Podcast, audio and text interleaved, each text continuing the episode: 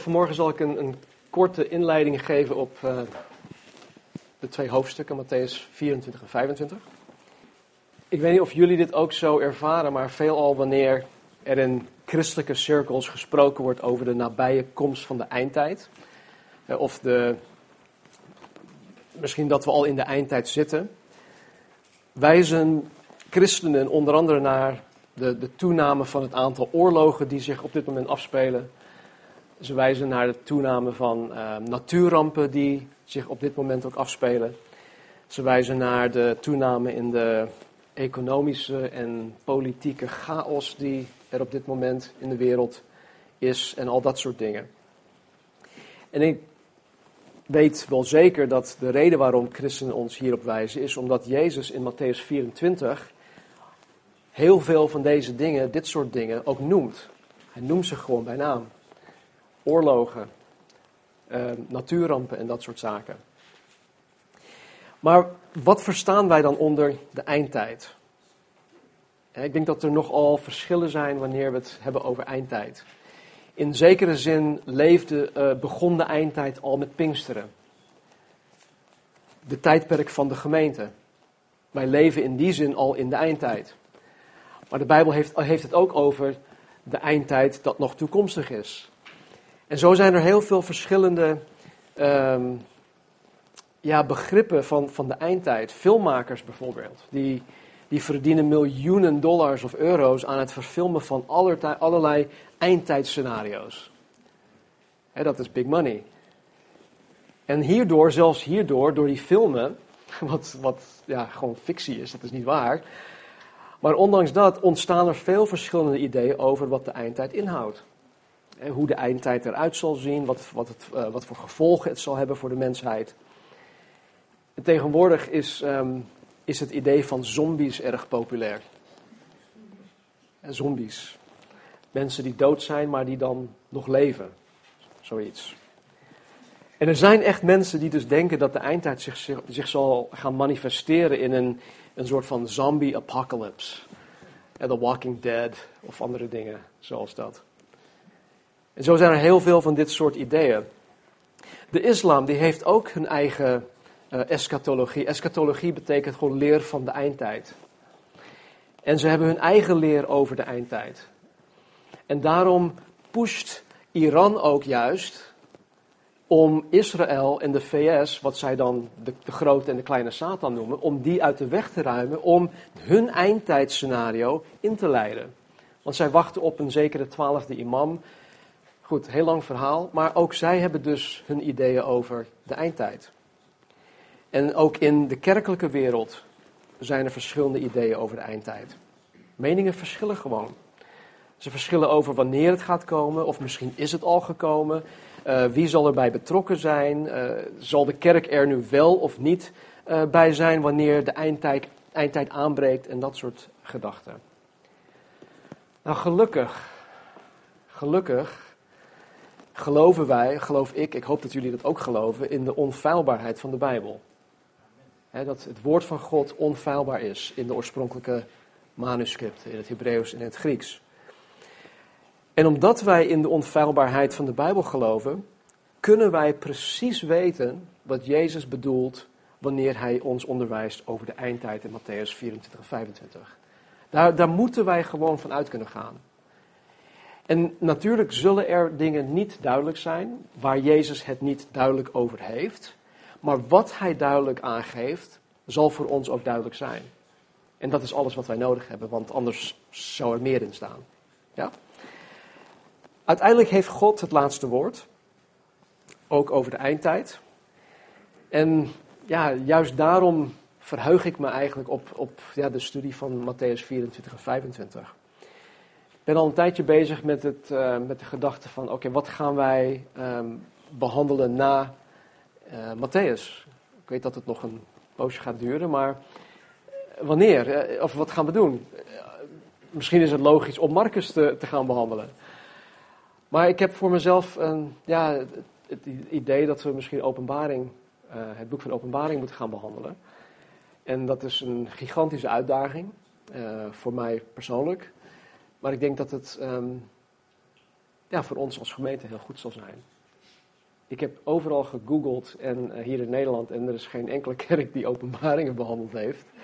Dus um, ja, misschien zullen wij de eerste zijn. Uh, wie weet.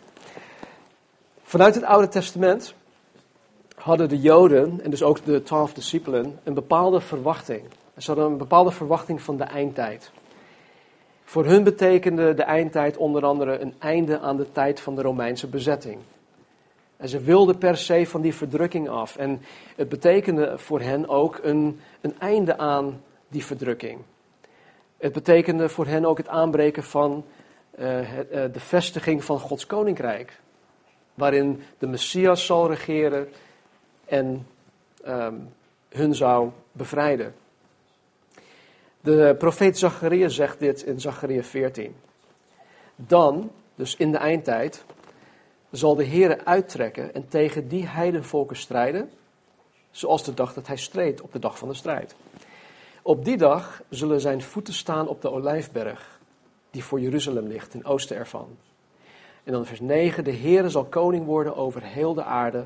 Op die dag zal de Heere de enige zijn en zijn naam de enige.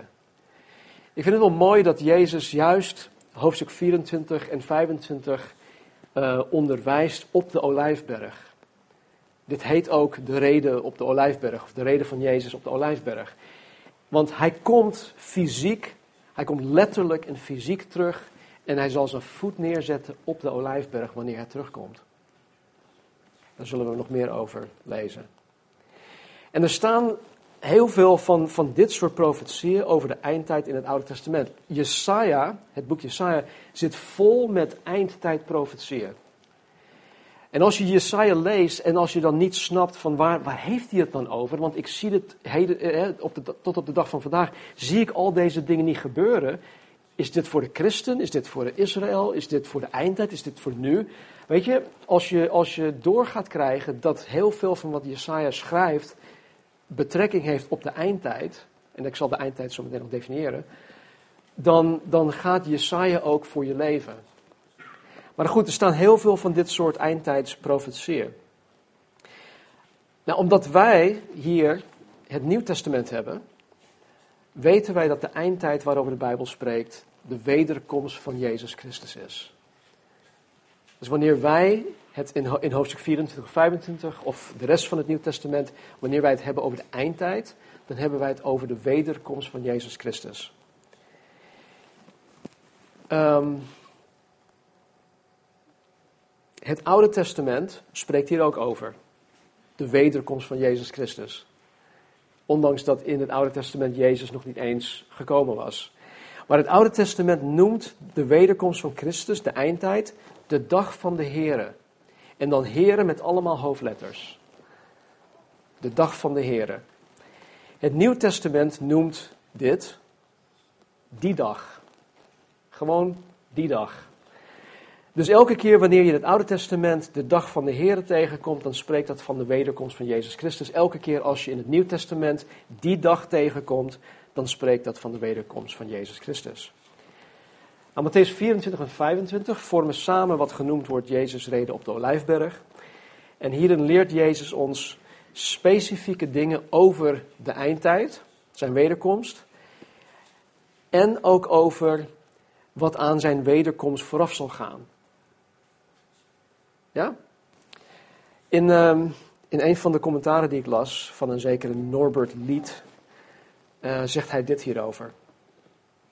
De redenvoering op de Olijfberg leert ons hoe wij de komende gebeurtenissen kunnen ordenen en de informatie kunnen doorgeven. Wij worden aangespoord buitenstaanders met het evangelie te bereiken. Dus dat is één. Wij worden gemotiveerd in de persoonlijke heiliging. Twee en tot actie bewogen om niet in de neergang van de wereld ten onder te gaan, maar de hoop van zijn wederkomst te koesteren. Dus, weet je, het, wordt in, in heel veel evangelische kerken geleerd dat wij eigenlijk niets uh, hoeven te weten over de wederkomst van Christus, want dat is allemaal toekomst, wij zijn, wij zijn er toch niet bij. Dus ja, waarom moeten we ons druk maken om de eindtijd? Nou, er zijn een aantal dingen die, die vooraf gebeuren, die wel heel, veel, heel belangrijk voor ons zijn. En dat doet een aantal dingen met ons. Althans, het, het hoort een aantal dingen te doen, wat hier genoemd wordt. Het, het, ehm, het hoort ons aan te sporen om buitenstaanders met het evangelie te bereiken. Ik had van de week, afgelopen vrijdag, een gesprek met, met, met, een, met een koppel die zo bewogen zijn voor hun, hun omgeving, hun buren. Dat is, dat is waar, waar we het over hebben. Er gaan dagelijks duizenden mensen de eeuwigheid in zonder kennis van God. En ik geloof dat wanneer wij ervan bewust zijn dat wij de, de, ja, die eindtijd naderen, dat het ons zal bewegen om zoveel mogelijk mensen het evangelie te, of met het evangelie te bereiken, zodat ook zij gewonnen kunnen worden. Nou, dit alleen al, denk ik, is reden genoeg om deze woorden van Jezus ons eigen te maken en ook ernaar te gaan leven. Nou, even terug naar drie weken geleden. Jezus had de volledige verwoesting van Jeruzalem en van de tempel voorspeld. Dat was in hoofdstuk 23, volgens mij in vers 38 of zo. Oh, ik heb het hier voor me. Ja, vers 38. Zie, uw huis wordt als een woestenij voor u achtergelaten. En de discipelen vragen, hè, want oké, we gaan nu over van 23 naar 24, maar goed, in de oorspronkelijke tekst was er geen uh, verdeling tussen de hoofdstukken, dus het vloeit eigenlijk in één keer door. En de discipelen vragen dus, zeg ons, wanneer zullen deze dingen gebeuren? Hele goede vraag. En ook omdat zij, uh, de discipelen, dus echte bijbelgetrouwe joden waren, die ook in het Messiaanse Rijk geloofden, in de oprichting daarvan, en omdat Jezus daar zelf ook over sprak, tot meerdere malen toe, vroegen zij ook: En wat is het teken van uw komst en van de voleinding van de wereld? Nou, ik ben heel blij dat de discipelen deze vragen hebben gesteld. Er worden vandaag de dag ook heel veel vragen gesteld over het Midden-Oosten. Over, over Jeruzalem, heel specifiek, over, over Jeruzalem, over Israël. En vandaag de dag is de grote vraag, of een van de, wie heeft recht op Jeruzalem? De Joden of de moslims? Wie heeft daar nou recht op, op Jeruzalem?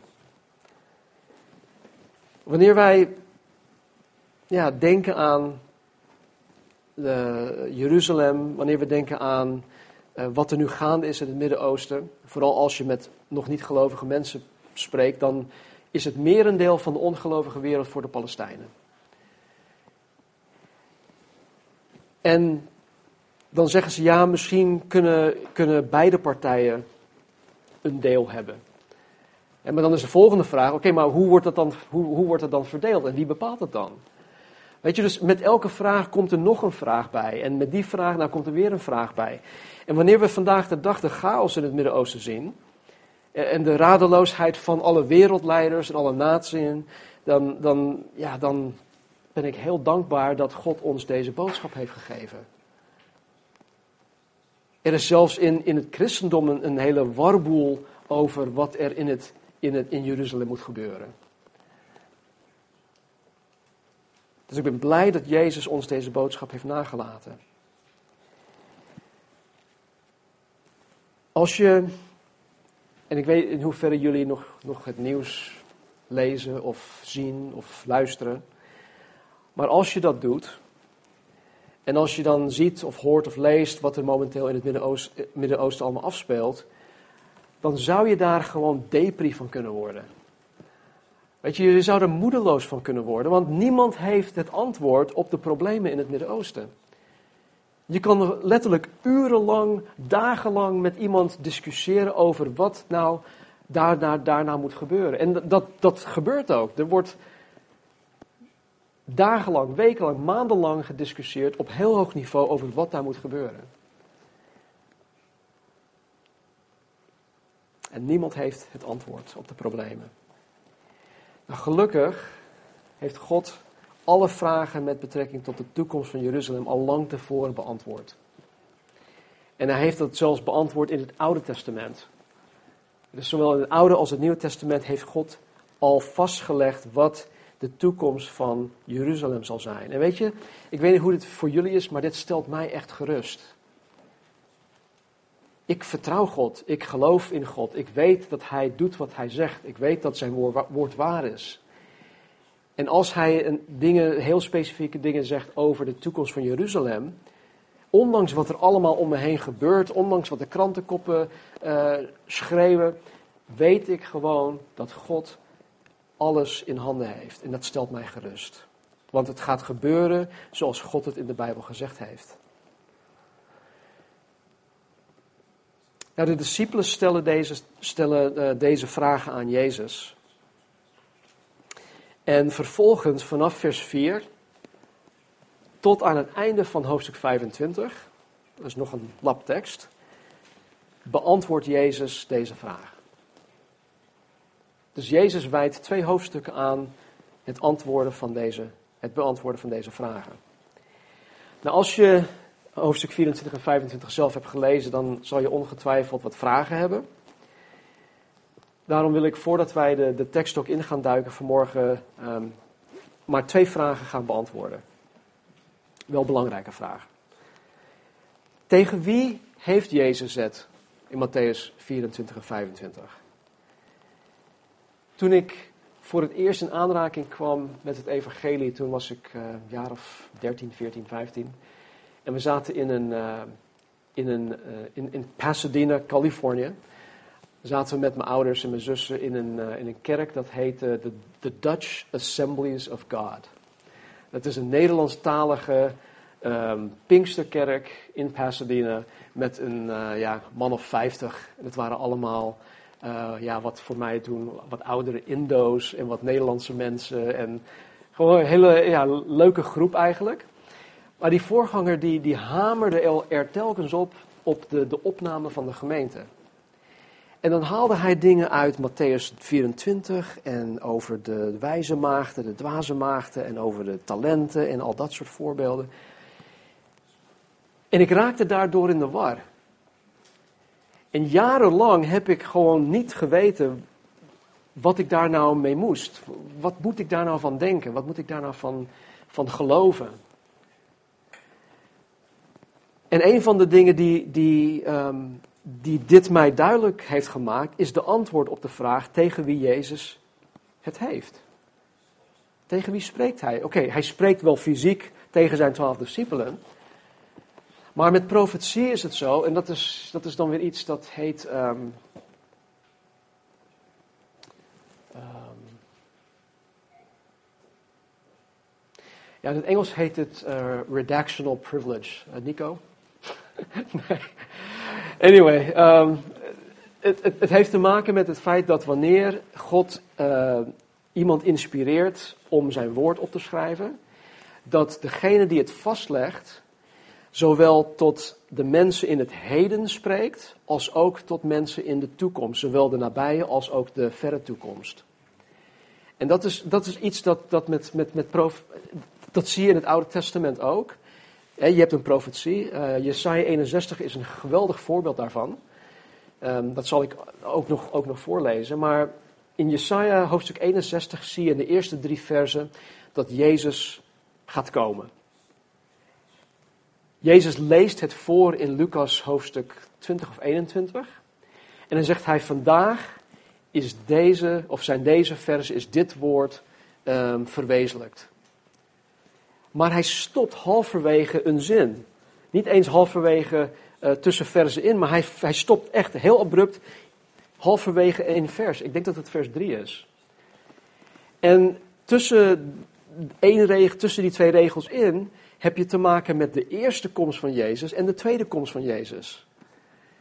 Dus hij zegt het wel, hij schrijft het wel alsof het één zin is, alsof het één uh, hoofdstuk is of één paragraaf, maar het heeft wel te maken met, met duizenden jaren wat ertussen zit. Snap je dus ook hier, heeft hij het wel tegen zijn discipelen, maar uiteindelijk heeft hij het ook tegen mensen die in de toekomst zullen leven die deze dingen allemaal mee zullen gaan maken. Dus goed, de context leert ons hier dat Jezus het tegen de Joden heeft. Hij heeft het dus niet tegen de gemeente. En laat, laat dat heel duidelijk zijn. Jezus spreekt niet tegen de gemeente. In het voorgaande gedeelte zegt Jezus: Jeruzalem, Jeruzalem. Uw huis wordt als een woestenij voor u achtergelaten.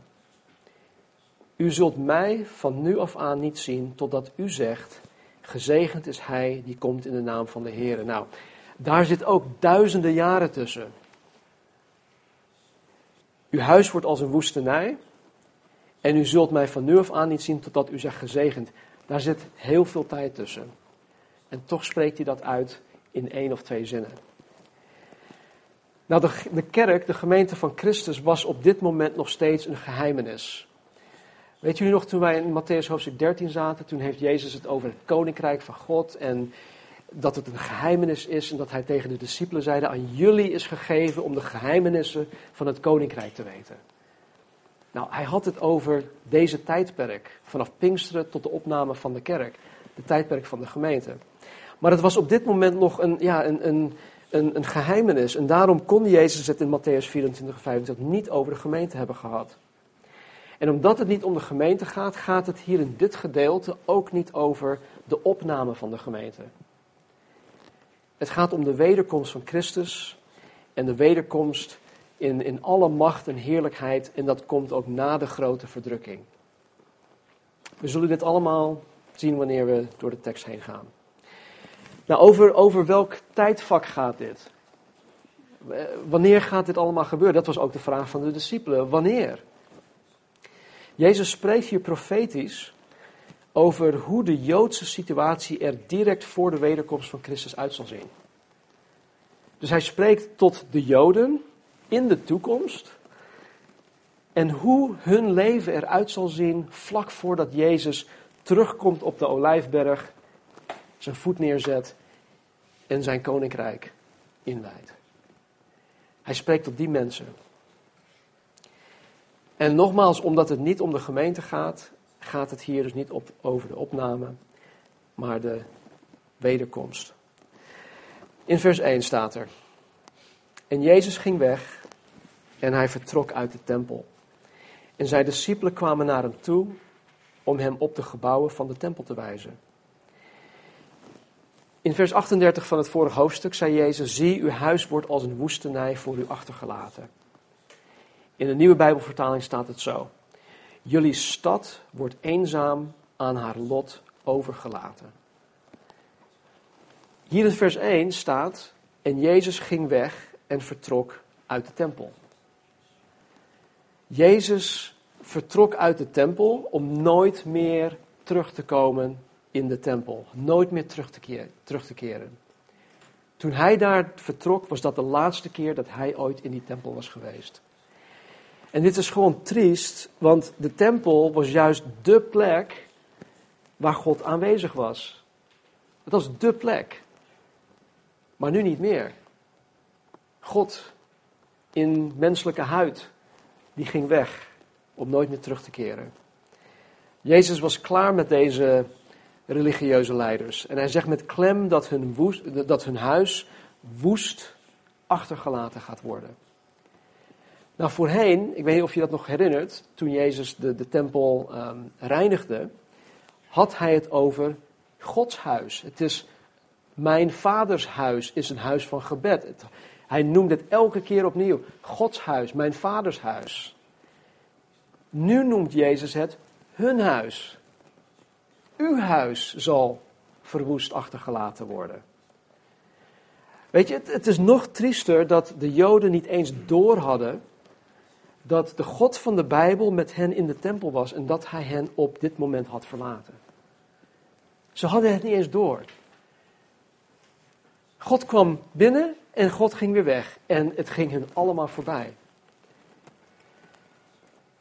In het boek Richter is een heel mooi verhaal over, uh, over Simpson. God had hem bijzondere bovennatuurlijke kracht gegeven waardoor hij in staat was om al zijn vijanden, met name de Filistijnen, gewoon te verslaan. Het was echt een, ja, misschien was hij wel de eerste hulk. Weet je, maar het was zo dat als Filistijnen bovenop sprongen, nou, hij schudde ze gewoon van, van zich af. Zo sterk was hij.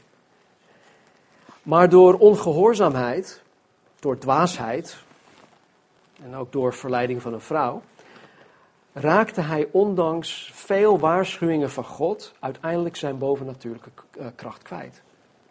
Hij raakte het kwijt. God nam zijn hand van hem af. En er staat er in Richter 16:20 dit. Hij, de Simpson, wist niet dat de Heere hem verlaten had.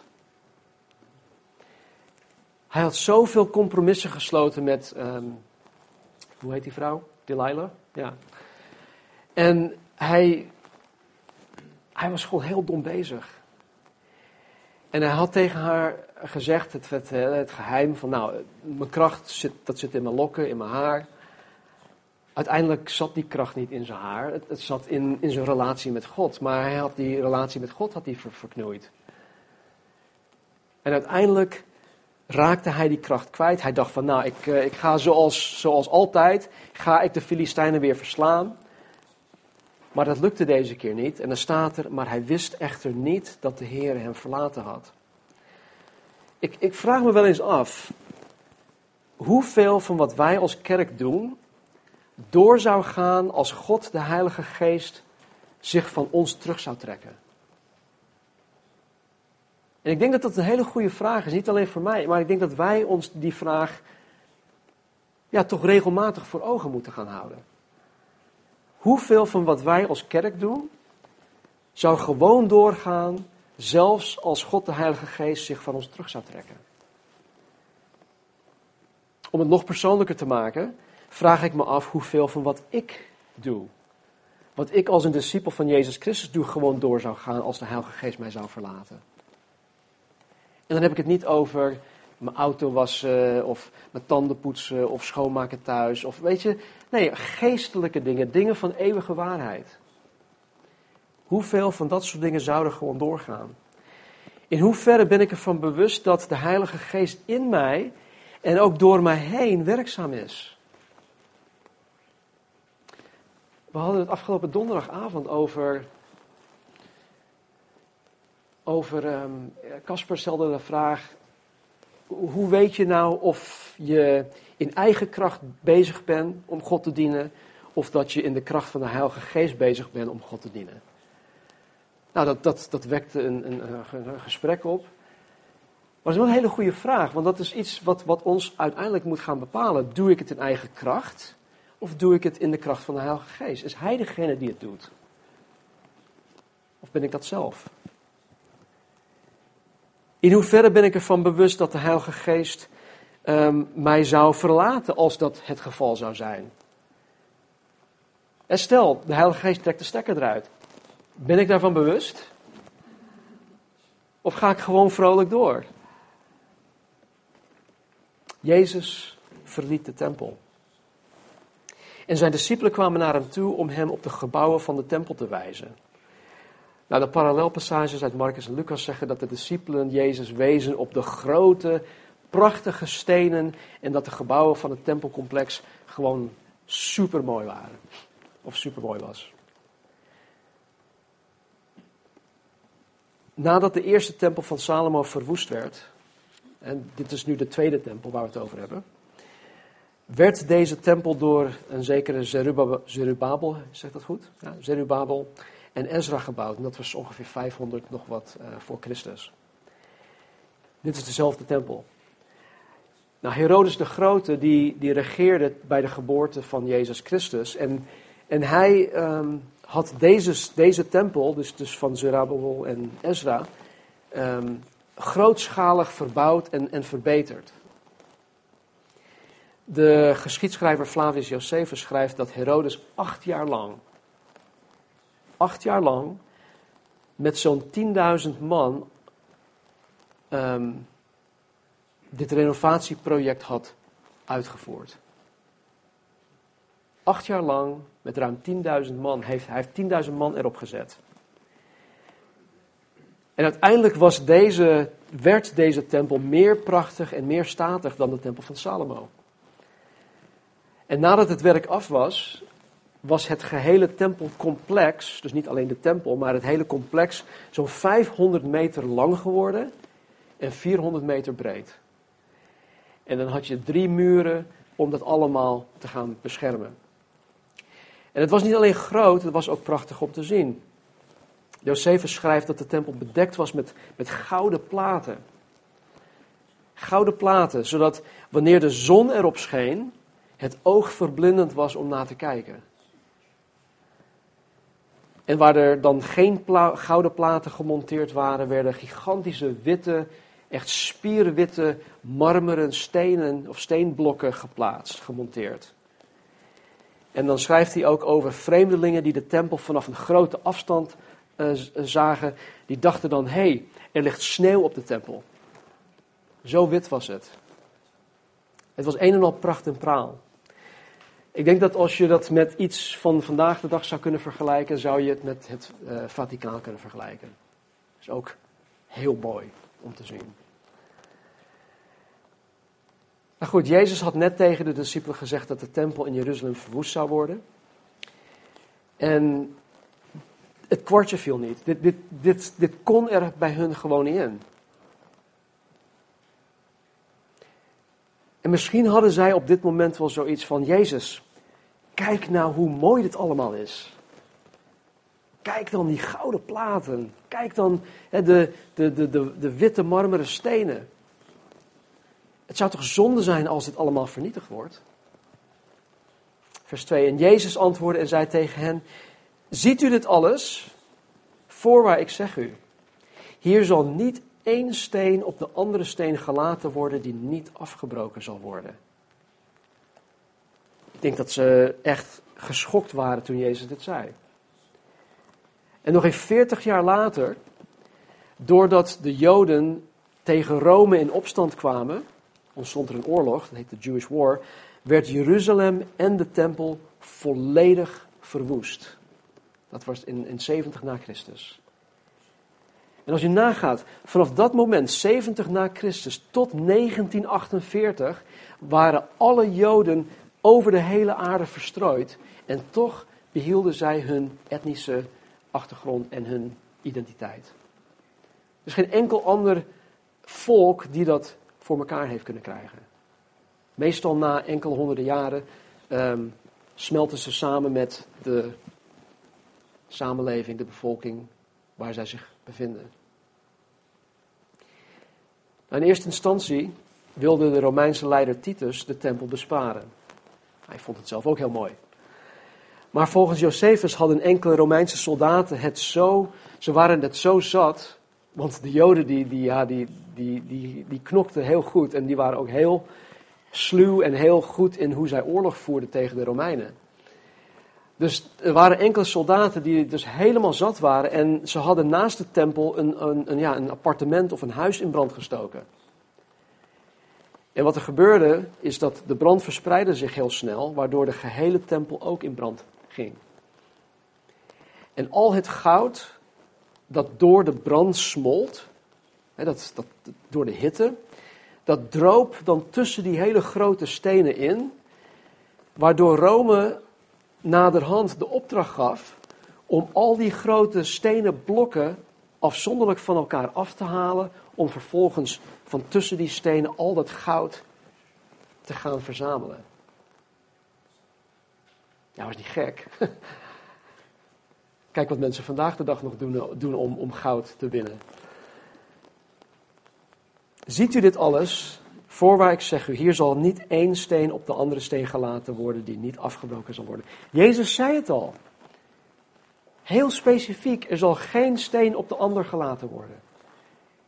En in 70 na Christus, nog geen 40 jaar later, gebeurt dat ook.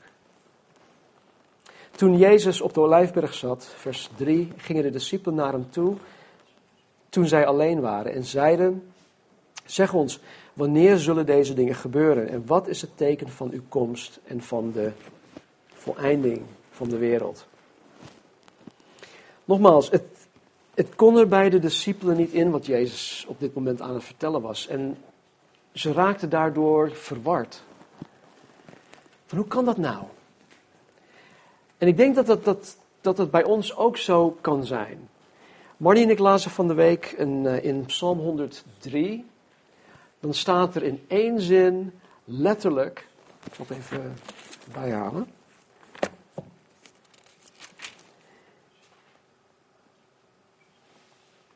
Ja, Psalm 103. 103 en dan vers 1 en tot met halverwege 3.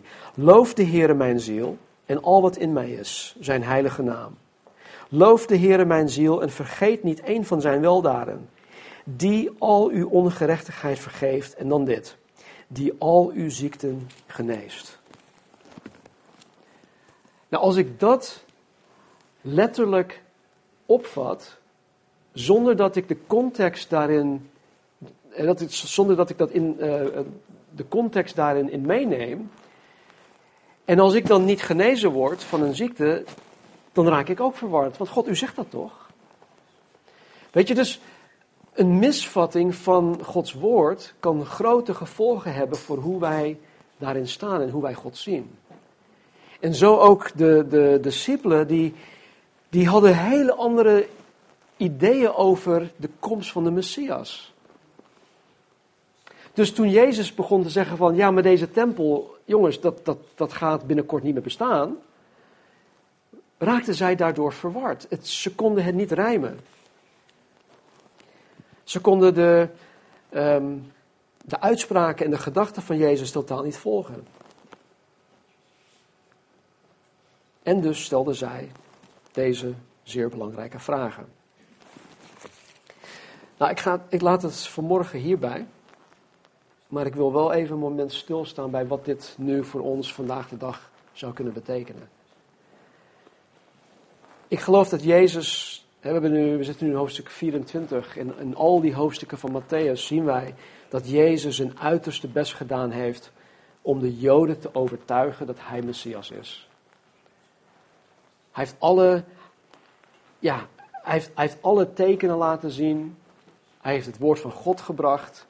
Uh, de voorloper Johannes de Doper, die heeft hem zelfs aangekondigd.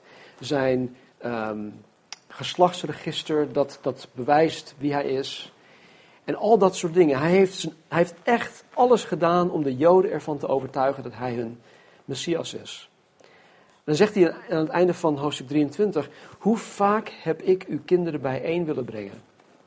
Op de wijze waarop een hen haar kuikens bijeenbrengt onder haar vleugels. Maar u hebt niet gewild. En dan de vraag is: hoe vaak spreekt Jezus tot jou om jou ervan te overtuigen dat Hij de enige echte God is? Hoe vaak spreekt Jezus tegen jou? Dat Hij de enige echte God is, dat Hij onvoorwaardelijk van je houdt. Dat Hij jou een hemels leven wil geven in plaats van dit, dit rot vleeselijk leven. En dan bedoel ik niet een hemels leven in de toekomst, maar hier al. Ik heb nu al het eeuwig leven. Ik leef nu al in de eeuwigheid.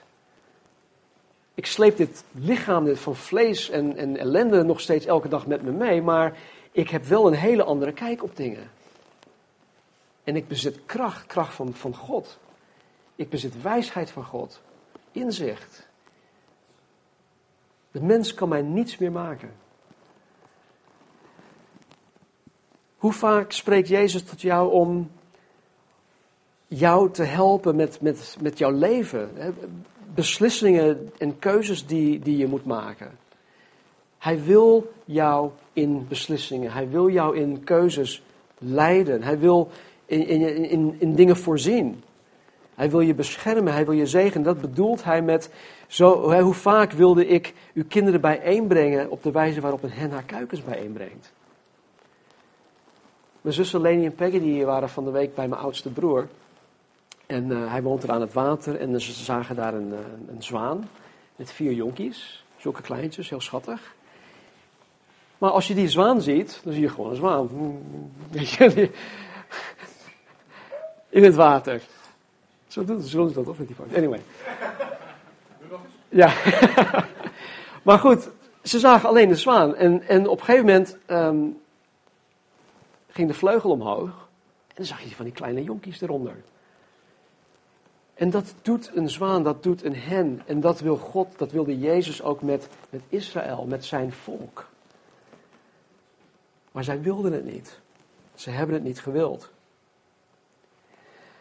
Weet je, wanneer God je telkens en opnieuw probeert te overtuigen, en je blijft je tegen hem verzetten, want dat doen wij als mens,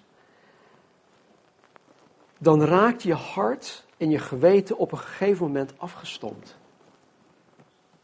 En dat is heel gevaarlijk. Ik weet nog, of dat heb ik nu nog steeds. De Heilige Geest die spreekt tot mijn hart. En ik weet gewoon, God spreekt tot me. En dat beweegt mij. Ik word daardoor emotioneel. En dan weet ik, oké, ik moet me hiervan bekeren. Of ik moet dat gaan doen. Of ik moet dat veranderen. En dan doe ik dat ook. Maar als ik dat keer op keer hoor. De, de eerstvolgende keer wanneer God mij daarop aanspreekt. Dan raakt het mij al een stukje minder. Als God de derde keer mij daarop aanspreekt. Dan is het alweer een stuk minder geworden. Dan raakt het mij niet meer zo, zo, als de eerste keer. En als God blijft spreken, en als jij, blijft, als jij je blijft verzetten tegen de geest, tegen de, de stem van de Heilige Geest, dan raak je op, op een gegeven moment afgestomd. En hoe meer ongevoelig en hoe minder ontvankelijk je hierdoor wordt, voor de overtuigingskracht van de Heilige Geest, hoe meer het erop zal gaan lijken dat Jezus de tempel heeft verlaten. Dat Jezus zegt van, oké, ik ben nu klaar. Hoe meer het erop zal lijken dat hij niet meer tot je zal spreken. Zoals het geval met de Joden. Als je vandaag de dag nog steeds tegen God blijft verzetten, dan. Het enige wat ik tegen jou wil zeggen is: bekeer je daarvan. Dat is de enige remedie. Bekeer je daarvan. Want je weet niet wanneer het moment in jouw leven zal aanbreken dat je niet meer ontvankelijk zal zijn voor Gods stem. Dat weet je niet. Misschien ben je nu nog ontvankelijk, misschien doet het nog iets met jou. Maar je weet niet wanneer jij over die streep gaat. Dat je niet meer ontvankelijk zal zijn. Ondanks dat de tempel het centrum van de Joodse godsdienst was, heeft God wegens de schijnheiligheid van de Joden het toegestaan dat het geheel verwoest werd. In Timotheus 2, of 2 Timotheus 3, schrijft Paulus over kerkgangers die doen alsof ze God dienen, maar uit hun daden blijkt dat dat niet waar is. Hij waarschuwt ons. Hij heeft het ook over de eindtijd. Maar goed, de eindtijd, daar leven we in die zin al in. Maar hij heeft het over kerkgangers die doen alsof ze God dienen, maar hun hun daden blijkt dat dat niet waar is. Weet je, als ik zoiets lees, dan, dan de eerste vraag die ik mezelf dan hoor te stellen, Heer, ben ik zo iemand? Ben ik, maak ik me daaraan schuldig?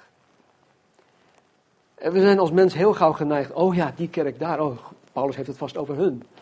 Of eh, Paulus heeft het over die, of over jou, of over jou. Nee, hand in eigen boezem. Heer, ben ik dat? zoals de discipelen dat ook deden bij Jezus, bij het heilige avondmaal. Jezus zei, één van jullie gaat mij verraden. Ze wezen niet naar Judas. Nee, wat deden ze? Hier ben ik het. Hele goede houding. Hier ben ik dat. En als ik wil weten of ik zo'n persoon ben, dan, ja, dan, dan moet ik naar een aantal dingen kijken. Ik, ik kijk bijvoorbeeld naar, naar hoe ik me uh, zondags voordoe. Hier met jullie. Hoe ik mij voordoe versus hoe ik thuis ben. Als daar een heel groot verschil in zit, dan kan het heel goed zijn dat ik doe alsof ik God dien, maar uit mijn daden, weg van deze kansel, zal blijken dat ik, dat, dat niet waar is. Kijk, God vereist echtheid. Ik had het vorige week over die maskers.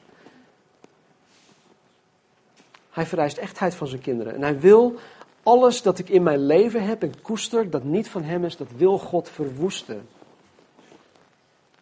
God heeft daar niks aan. En wij hebben er niks aan, uiteindelijk. Dus als ik me zondags als een heilig boontje voordoe, en maar als ik thuis dan ja, structureel gewoon chagrijnig ben, Of als ik uh, snauwerig en, en kortaf ben en geïrriteerd ben en als ik mijn verantwoordelijkheden uh, nalaat en als ik, nou, enzovoort, enzovoort. Als ik dat soort dingen doe, dan zal God mij, gelukkig, altijd blijven brengen in situaties waarin Hij deze dingen in mijn karakter zal gaan verwoesten. Er zijn dingen in mijn leven waar ik elke keer weer tegenaan loop. En wanneer God dat uit mijn karakter heeft gehaald, wanneer dat verwoest wordt, wanneer Hij dat weggesnoeid heeft, dan hoef ik die les niet meer te leren. Maar zolang dat nog steeds in mij is, dan blijft God mij in die situaties plaatsen, of dan, dan, dan laat hij dat toe. En dat gebeurt 99% van de tijd thuis, in het laboratorium. Maar hij doet dat om dat uiteindelijk uit mij te krijgen. Hij wil het verwoesten. De vraag is, wat wil God vandaag in jouw leven verwoesten? Hoef je niet te beantwoorden, maar stel jezelf die vraag. Laten we bidden. Heere God, u bent zo geweldig goed. Dank u wel dat u deze boodschap hebt nagelaten voor ons. Heer, ik zie uit naar wat u door de rest van hoofdstuk 24 en 25, Heer, tot ons te zeggen hebt. Ik zie uit naar de wijsheden, Heer, die wij zullen zien. Heer, ik zie uit naar de spiegel die voor ons zal worden gehouden. Ik zie uit naar de, de kennis die we zullen opdoen. Heer, over de wederkomst, over de gebeurtenissen die vooraf de wederkomst zullen, uh, zullen gaan gebeuren. Ik zie uit, Heer, naar hoe u ons hierin zal instrueren en wat u met ons hiermee zal gaan doen. Ik weet zeker, heren, dat wij hierdoor geheiligd zullen gaan worden. Ik weet zeker, heren, dat wij u hierdoor beter gaan leren kennen. Ik weet zeker, heren, dat wij onszelf ook beter gaan leren kennen in het licht van wie u bent. Dus heren, we willen ons geheel aan, aan u overgeven, heren. We willen u, u zeggen, heren, we willen u toestemming geven. Heren, doe met ons wat u wil. Omwille van uw naam, omwille van uw koninkrijk. Snoei ons, verwoest de dingen in ons die niet bruikbaar zijn, die u niet verheerlijken. Wees gewoon radicaal daarin, Heer. Radicaal. Opdat wij mogen groeien, opdat wij vrucht mogen dragen, eeuwig blijvend vrucht. Opdat de wereld om ons heen zal zien dat wij daadwerkelijk uw discipelen zijn. En dat wat wij hebben, heren, zo aantrekkelijk zal worden voor de wereld om ons heen. Dat zij zich zo aangetrokken zullen voelen, Heer. Aangetrokken tot u. Doe het, Vader. En doe het niet om ons, maar doe het omwille van uw naam. In Jezus' naam, dank u wel. Amen. Laten we alsjeblieft gaan staan.